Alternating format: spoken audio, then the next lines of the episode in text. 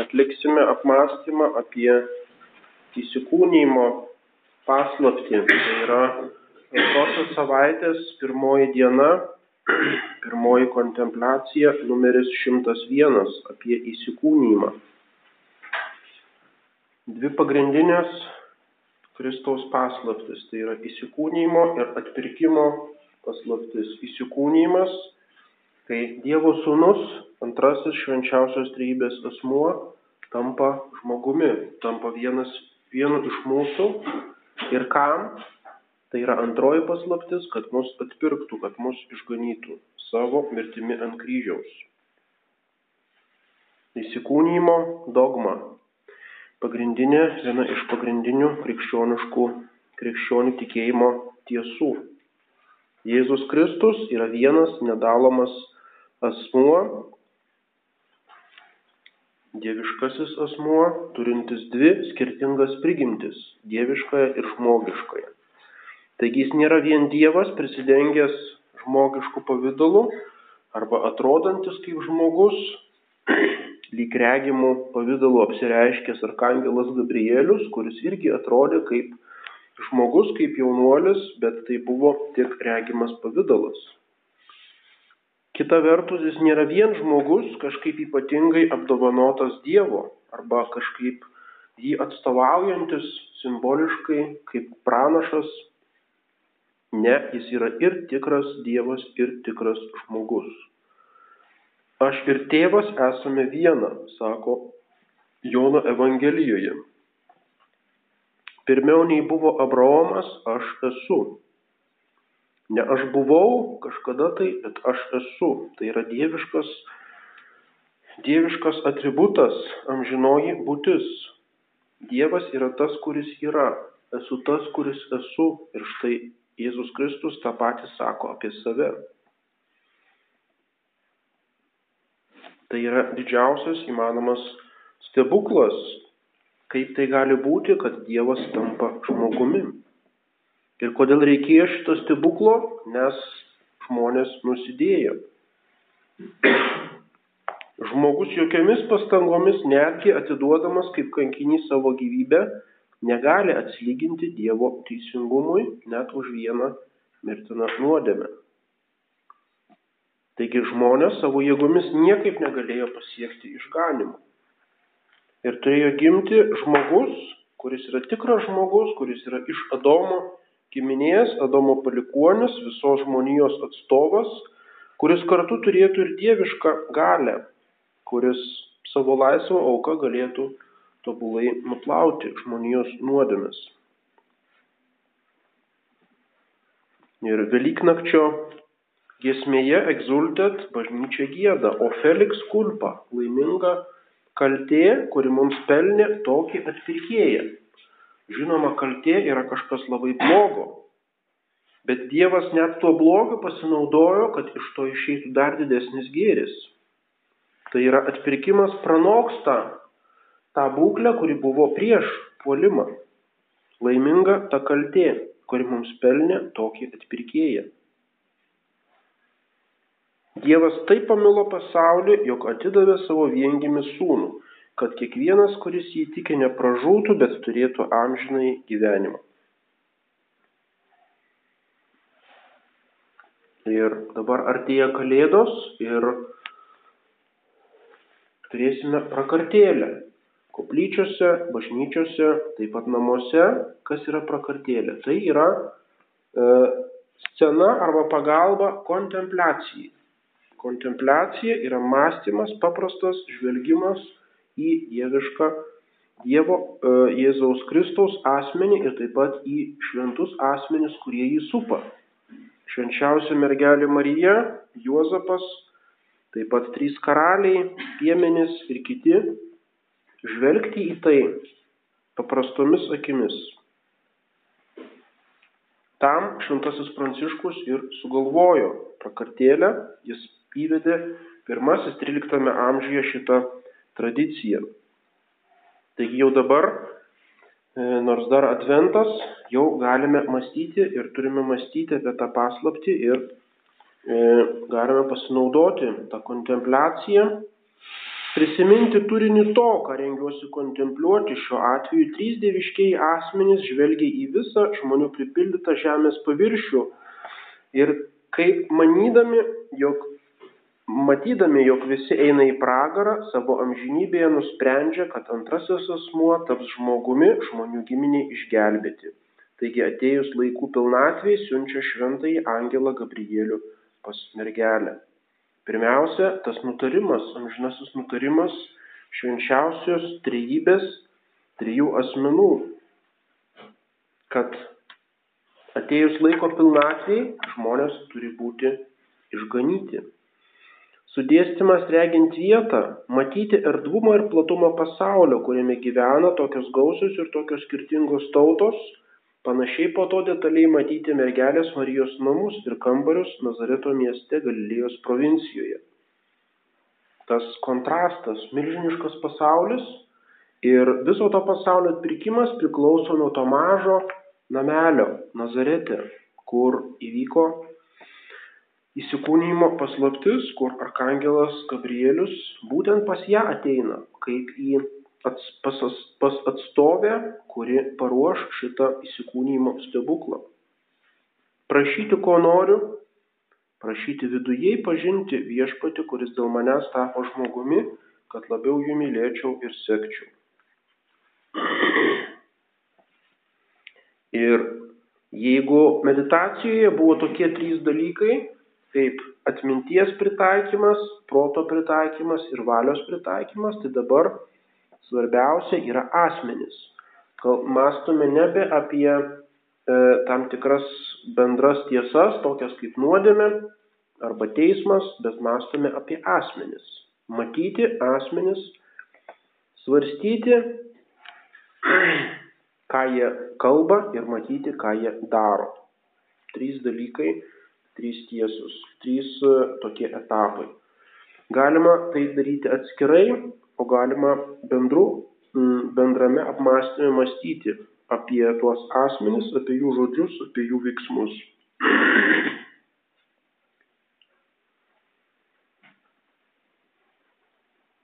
Matyti žmonės esančius ant žemės paviršiaus, tai besiskiriančius tiek savo drabužiais, tiek ir gyvenimo būdų, vieni balti, kiti juodi, vieni taikiai sugyvena, kiti kariauja, ir mąstyti apie tris dieviškus asmenis.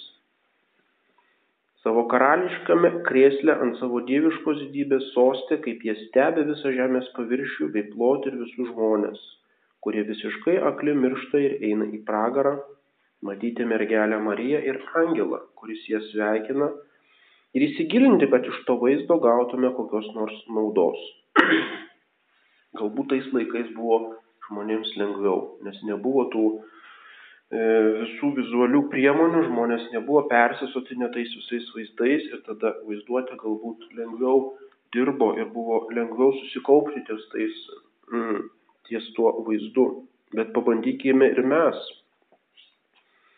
Tiesiog tai, kas aprašyta, tokiais paprastais žodžiais, Luko Evangelijos pirmas skyrius, Angelas Gabrielius buvo siūstas į Galilėjos miestą pas mergelę sužadėtų su vyru vardu Juozapas.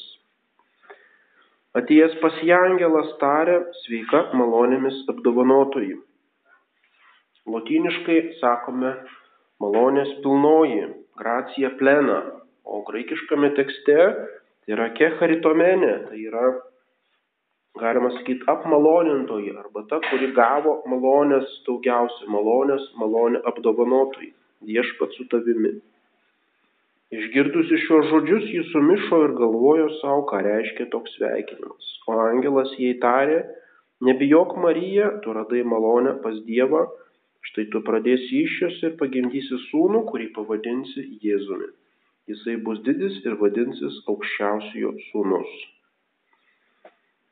Kaip tai įvyks, jeigu aš nepažįstu vyro, šventoji dvasia nužengs ant tavęs ir aukščiausiojo galybė pridengs tave savo šešėliu, todėl ir tavo kūdikis bus šventas ir vadinamas Dievo sūnumi. Tai yra trys vardai, kuriuos duoda angelas. Pirmiausia, jis bus Jėzus. Hebrajiškai Jehošua tai yra Jahve gelbsti. Dievas gelbsti. Tai yra Jėzus reiškia tas pats kas gelbėtojas arba išganytojas. E, vardas reiškia e, titulą arba užduotį. Antrasis vardas jis vadinsis aukščiausiojo sūnus. Reiškia, jis bus Dievo sūnus, e, atėjęs iš švenčiausios trybės paslapties, atėjęs į šitą žemę. Ir trečias - Dievo sūnumis. Bus, tavo kūdikis bus šventas ir bus vadinamas Dievo sūnumi.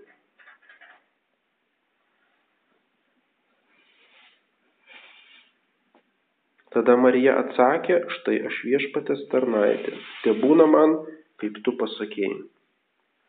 Tas paprastas žodis, te būna man, latiniškai fiat, tas pats žodis, kurį naudojo Dievas sutverdamas atskirus kosmoso elementus. Fiat lux, fiat firmamentum, te būna šviesa, te būna dangus e, ir taip toliau. Tad tuo žodžiu, dievišku žodžiu, e, vienu žodžiu Dievas be jokių pastangų, paprastų savo valios išreiškimu tvėrė pasaulį, jis kūrė pasaulį. Ir dabar jo apvaizdos E, plane taip numatyta, kad ne jisai pats, o paprasta mergelė savo fiat, savo paprastų žodžių pradeda didžiulį darbą kūrinijos atkūrimo, atstatymo arba rekonstrukcijos. Tai yra įsikūnymas. Te būna man ir te būna visam pasauliu, kaip tu pasakėjai, ir ties to žodžiu fiat, kaip tikima, būtent tada įvyko tas įsikūnymo stebuklas. Įsikūnymas reiškia naujos kūrinijos pradžią - pasaulio ir žmogaus perkūrimą pagal Dievo planą. Ir tada ta gili teologija bažnyčios tėvų, kad Kristus yra naujasis Adomas, o Marija yra naujoji Jėva ir jėdu atstato pirmųjų žmonių sugriautą tvarką, jie pradeda naują, naują tvarinyje. Ir todėl jau pirmame amžiuje krikščionis pakeitė, bažnyčia pakeitė šitą pagrindinę dieną. Pirmiausia buvo švenčiamas šabas, tai yra paskutinė savaitės diena, kada Dievas baigė tverti pasaulį. O dabar pas krikščionis šventa, šventadienis yra sekmadienis, tai yra pirmoji savaitės diena, kada Dievas pradėjo tverti pasaulį pradedamas tverti naujas pasaulis. Ir kartu tai žinoma yra Jėzaus Kristaus prisikėlimo diena, Dies Dominika, viešpatės diena. Įsikūnymo paslaptis. Ir žinoma, tam dabar nėra laiko, bet galime prisiminti ir kitas meditacijas iš šitos savaitės, apie šventąją šeimą, kontempliacija apie gimimą, numeris 110, vėliau kontem... apie Kristaus gimimo paslaptis ir taip toliau. Kokie, kokia buvo varginga ta gimimo istorija, kaip vargingai ir e, tikrai pažeminančiai atėjo Dievo sūnus į šitą pasaulį. kas buvo šventoje žemėje, tai dabar, jeigu su automobiliu nuo Nazareto nukeliauti iki Betlėjaus autostrada, Izraelis šventoji žemė, nedidelis, nedidelis mažesnė už Lietuvą, staigiai nuvažiuoja, net nepastebi, o tada įsivaizduojam, kokia tai buvo kelionė. Per tuos kalnus, per judėjos dykumą į Betliejų. Pirmoji įžanga Šiuo atveju, kai beveik devintą mėnesį neščia Marija, jodama ant asilės, ką maldingai galime įsivaizduoti, bei Juozapas ir tarnaitė, vesdamėsi jauti, iškeliavo iš Nazareto į Betliejų, sumokėti mokesčio, kurį ciesorius uždėjo visose tose žemėse. Tai visą laiką yra įdomi ta istorija per rekolekcijas Šventas Ignacas. Marija, Juozapas ir dar tarnaitė ir vedasi jauti. Ir iš kur jis ištraukė tą tarnaitę ir tą jautį, tai mes nežinom. Galbūt iš kažkokios pamaldžios knygos tų laikų ar iš kažkokio apokrifo ir čia tikrai galime būti tikri, kad jokios tarnaitės nebuvo. Čia tiesiog šventas Ignatas kaip bajoras, jam tiesiog nu, neįsivaizduojama, kaip galima kažkur tai išeiti į gatvę be nelydimam tarno, reiškia. Čia kaip, kaip neapsirengus išeiti, jeigu tavęs tarnas nelydimės. Kaip skaitom jo autobiografijoje, tai net po savo atsivertimo jam reikėjo labai ilgo laiko, kol jisai E, nuo tų bajoriškų to gyvenimo šiek tiek nutolo. Ir įsivaizduoja, kad tokia garbinga šeima kaip Marija ir Juozapas, tai be tarnaitės nu niekaip neapsės. Ir dar jauti vestis, kadangi e, grotoje pagal tradiciją buvo jautis ir asilas. Marija jojo ant asilės, o vedėsi jauti. Bet iš tikrųjų, kaip tikime, tai tas jautis jau ten buvo, kadangi Tai buvo piemenys, kurie ganė bandą ir tos uolos arba grotos prie Betlėjaus būtent buvo tokie kaip tvartai tiems gyvuliams ir tas jautis jau ten stovėjo ir nereikėjo jo taip toli tempti to jaučio. Sudėstymas regint vietą, vaizduotis akimis, apžvelgti kelią iš Nazareto į Betlėjus, svarstyti koks jo ilgis, plotis, apžvelgti gimimo vietą ir olą, ar ji didelė, ar maža, žema, ar aukšta ir kaip įrengta. Vėlgi, kas buvo Betlėjuje, ten yra gimimo bazilika, kurioje yra ta grota. Ir į baziliką pagrindinis įėjimas yra tokios žemos durelės, per kurias žmogus turi susirietęs įeiti. Kitaip neįeis tenais, kad taip kaip Dievo sūnus nusižemino, Taip ir kiekvienas lankytojas ir piligrimas, eidamas į šitą vietą, turi nusižeminti. Matyti asmenis, matyti mergelę Mariją, Juozapą, gimusi vaikelį Jėzų, aš pats lyg vargolėlis, nevertas tarnelis, žvelgiu į juos, kontempliuoju ir patarnauju, kai jiems reikia, lyg tenai būčiau su visų įmanomu nuolankumu ir pagarba. Jis tą visą sceną vaizduoja kaip tam tikrą liturgiją, kaip tam tikras apėgas. Tas Jėzaus Kristaus gimimas yra lyg kažkokia iškilminga ceremonija, kurioje jis yra kaip ministrantas, patarnauja. Stebėti ir kreipti dėmesį, kontempliuoti tai, ką jie kalba. Apie tai nieko neparašyta Evangelijoje. Apie ką kalbėjosi Juozapas E, su Marija pakeliui, apie ką jie kalbėjosi prieš gimimą ir po gimimo. Ar tai buvo kažkokie banalūs žodžiai, kažkokie būtiniai pokalbiai.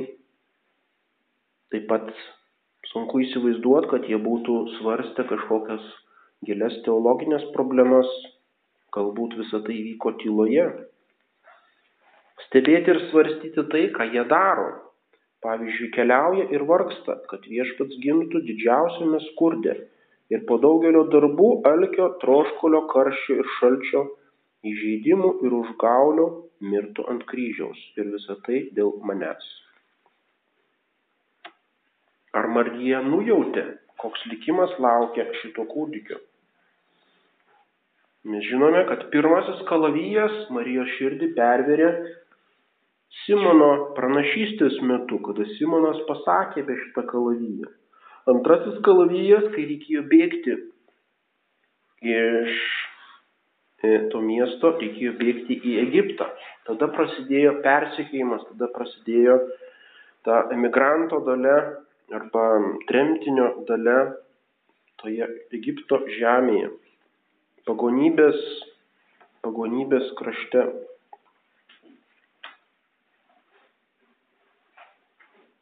Jėzaus Kristaus gimimas mato Evangelijos pirmas skyrius. Gyvimas buvo toksai. Jos vyras Juozapas, būdamas teisus ir nedorėdamas daryti jai nešlovės, sumanė tylomis ją atleisti. Kai jis nusprendė tai padaryti, per sapną pasirodė jam viešpatės angelas ir tarė, Juozapai Dovido sūnau, nebijok parsivesti į namus savo žmonos Marijos, nes jos vaisius yra iš šventosios dvasios. Ji pagimdys sūnų, kuriam duosi Jėzaus vardą, nes jis išgelbė savo tautą iš nuodėmių. iš karto tam tikra kančia. Ta šeima vos pradėjo gyventi, jau turi patirti e, tokį, tokią įtampą, tokį nesusipratimą. Ir viskam vadovauja angelas. Nei Marija, nei Juozapas nesijima kažkokių iniciatyvų, ne, nesijima savivalės, bet mato, kad tai yra Dievo planai su šita šeima, kad tai yra Dievo darbas ir palieka viską Dievui vesti. Ir angelas duoda nurodymus. Žinoma, mes irgi labai norėtume, kad mūsų gyvenime visą laiką, kai nežinome, ką daryti, ateitų angelas ir viską išaiškintų ir mus vestų. Bet tai buvo tokia pagalba tai šeimai pačioje pradžioje, o vėliau kiek daug iškentė jie nežinios. Vėliau nebebuvo šito angelo. Vėliau Marija turėjo mm, turėjo svarstyti, kodėl tas Jėzus pasiliko šventykloje, kodėl jisai šalinasi nuo šeimos, kodėl, kokia yra jo misija, kodėl jisai sako, štai tie mano mokiniai yra mano motina ir mano broliai, o ne jo tikroji šeima. Jis jau turėjo visą tai svarstyti ir suvokti pati. Taigi nebuvo taip lengva toje šeimos jo gyvenime, nebuvo tos antgamtinės pagalbos, buvo lygiai tiek, kiek absoliučiai reikia. Ji pagimdys sūnų, kuriam tu duosi Jėzaus vardą. Taigi Juozapas duos Jėzaus vardą. Pagal žydų tradiciją tai yra tėvo pareiga. Kada tėvas paima kūdikį rankas ir duoda jam vardą, jis tuo pačiu pripažįsta savo tėvystę Tai yra, dievo, e, tai yra tėvo privilegija. Ir štai Dievas lyg deleguoja Juozapą, kad jis atliktų tą tėvo tėvišką vaidmenį šventoje šeimoje ir jis iš tikrųjų tampa tėvu Jėzui. Visa tai įvyko, kad išsipildytų viešpatė žodžiai pasakyti per pranašą Izaiją. Štai mergelė nešios iščiose ir pagimdys sūnų ir jis vadinsis Emanuelis. Tai dar vienas vardas, tai reiškia Dievas su mumis. El arba El yra Dievas, Emanuel, Dievas su mumis.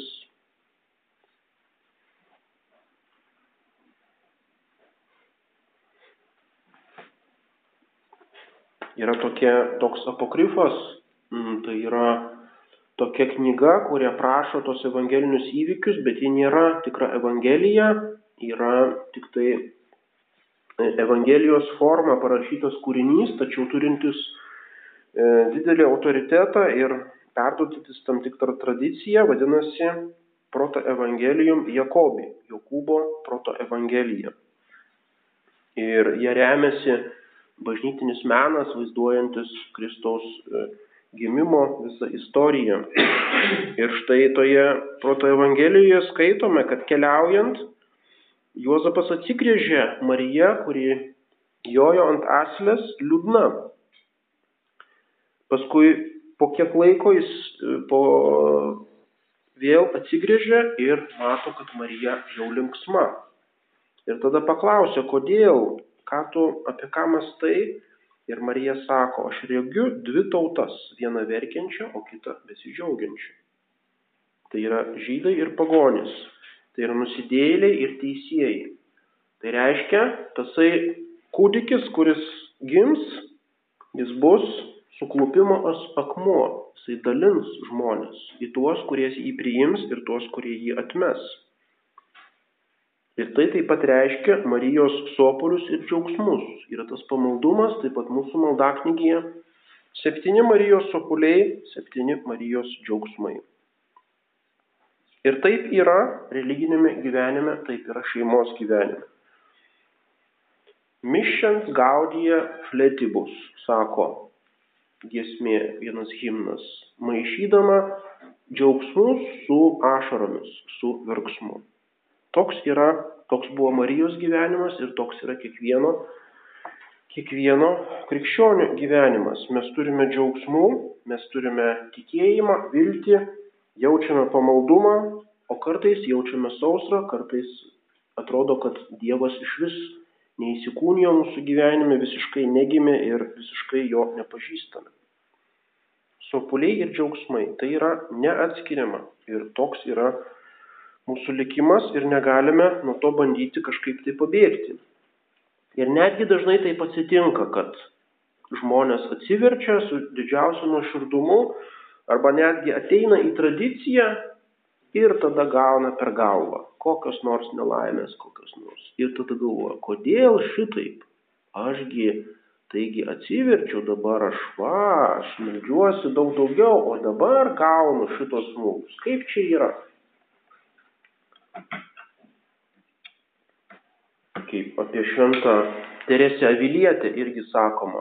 Teresė Avilietė, didžioji mystikė, ir jinai reformavo Karmelio vienuolynus, moterų vienuolynus Ispanijoje ir turėjo keliauti iš vieno vienuolyno į kitą.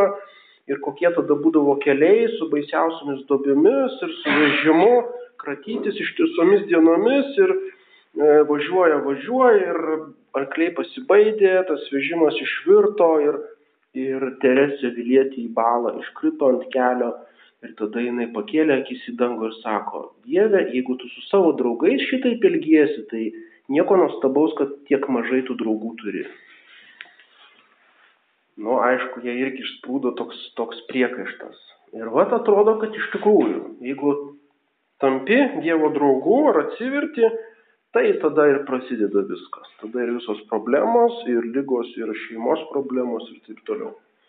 Bet kita vertus, ką tai reiškia? Ką tai reiškia? O tai reiškia, kad Dievas pradeda mumis pasitikėti, kad mes esam jau nebe maži vaikai, o galim pradėti dirbti kažką tai, savo ir kitų išganimų. Reiškia, aš ne tam atsiverčiau, kad maitinčiaus dangiškais migdolais, o kad pradėčiau dirbti. O darbas krikščioniškame gyvenime tai yra vienyti su Kristaus kančia, tai yra kentėti.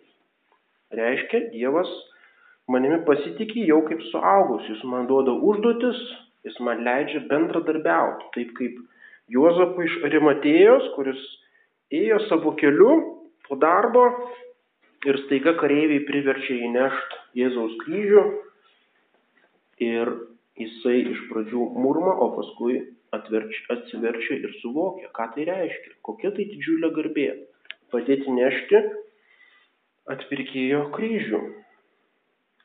Ir panašiai galime vienintis, dvasioje vienintis su visomis tomis kančiomis, su kančia, būtent e, Marijos kančia, kada Jozapas ją norėjo atleisti, arba su ta Jėzaus gimimo vargais, e, su tuo šalčiu, vienatve ir žmonių priešiškumu, kada jisai gimė.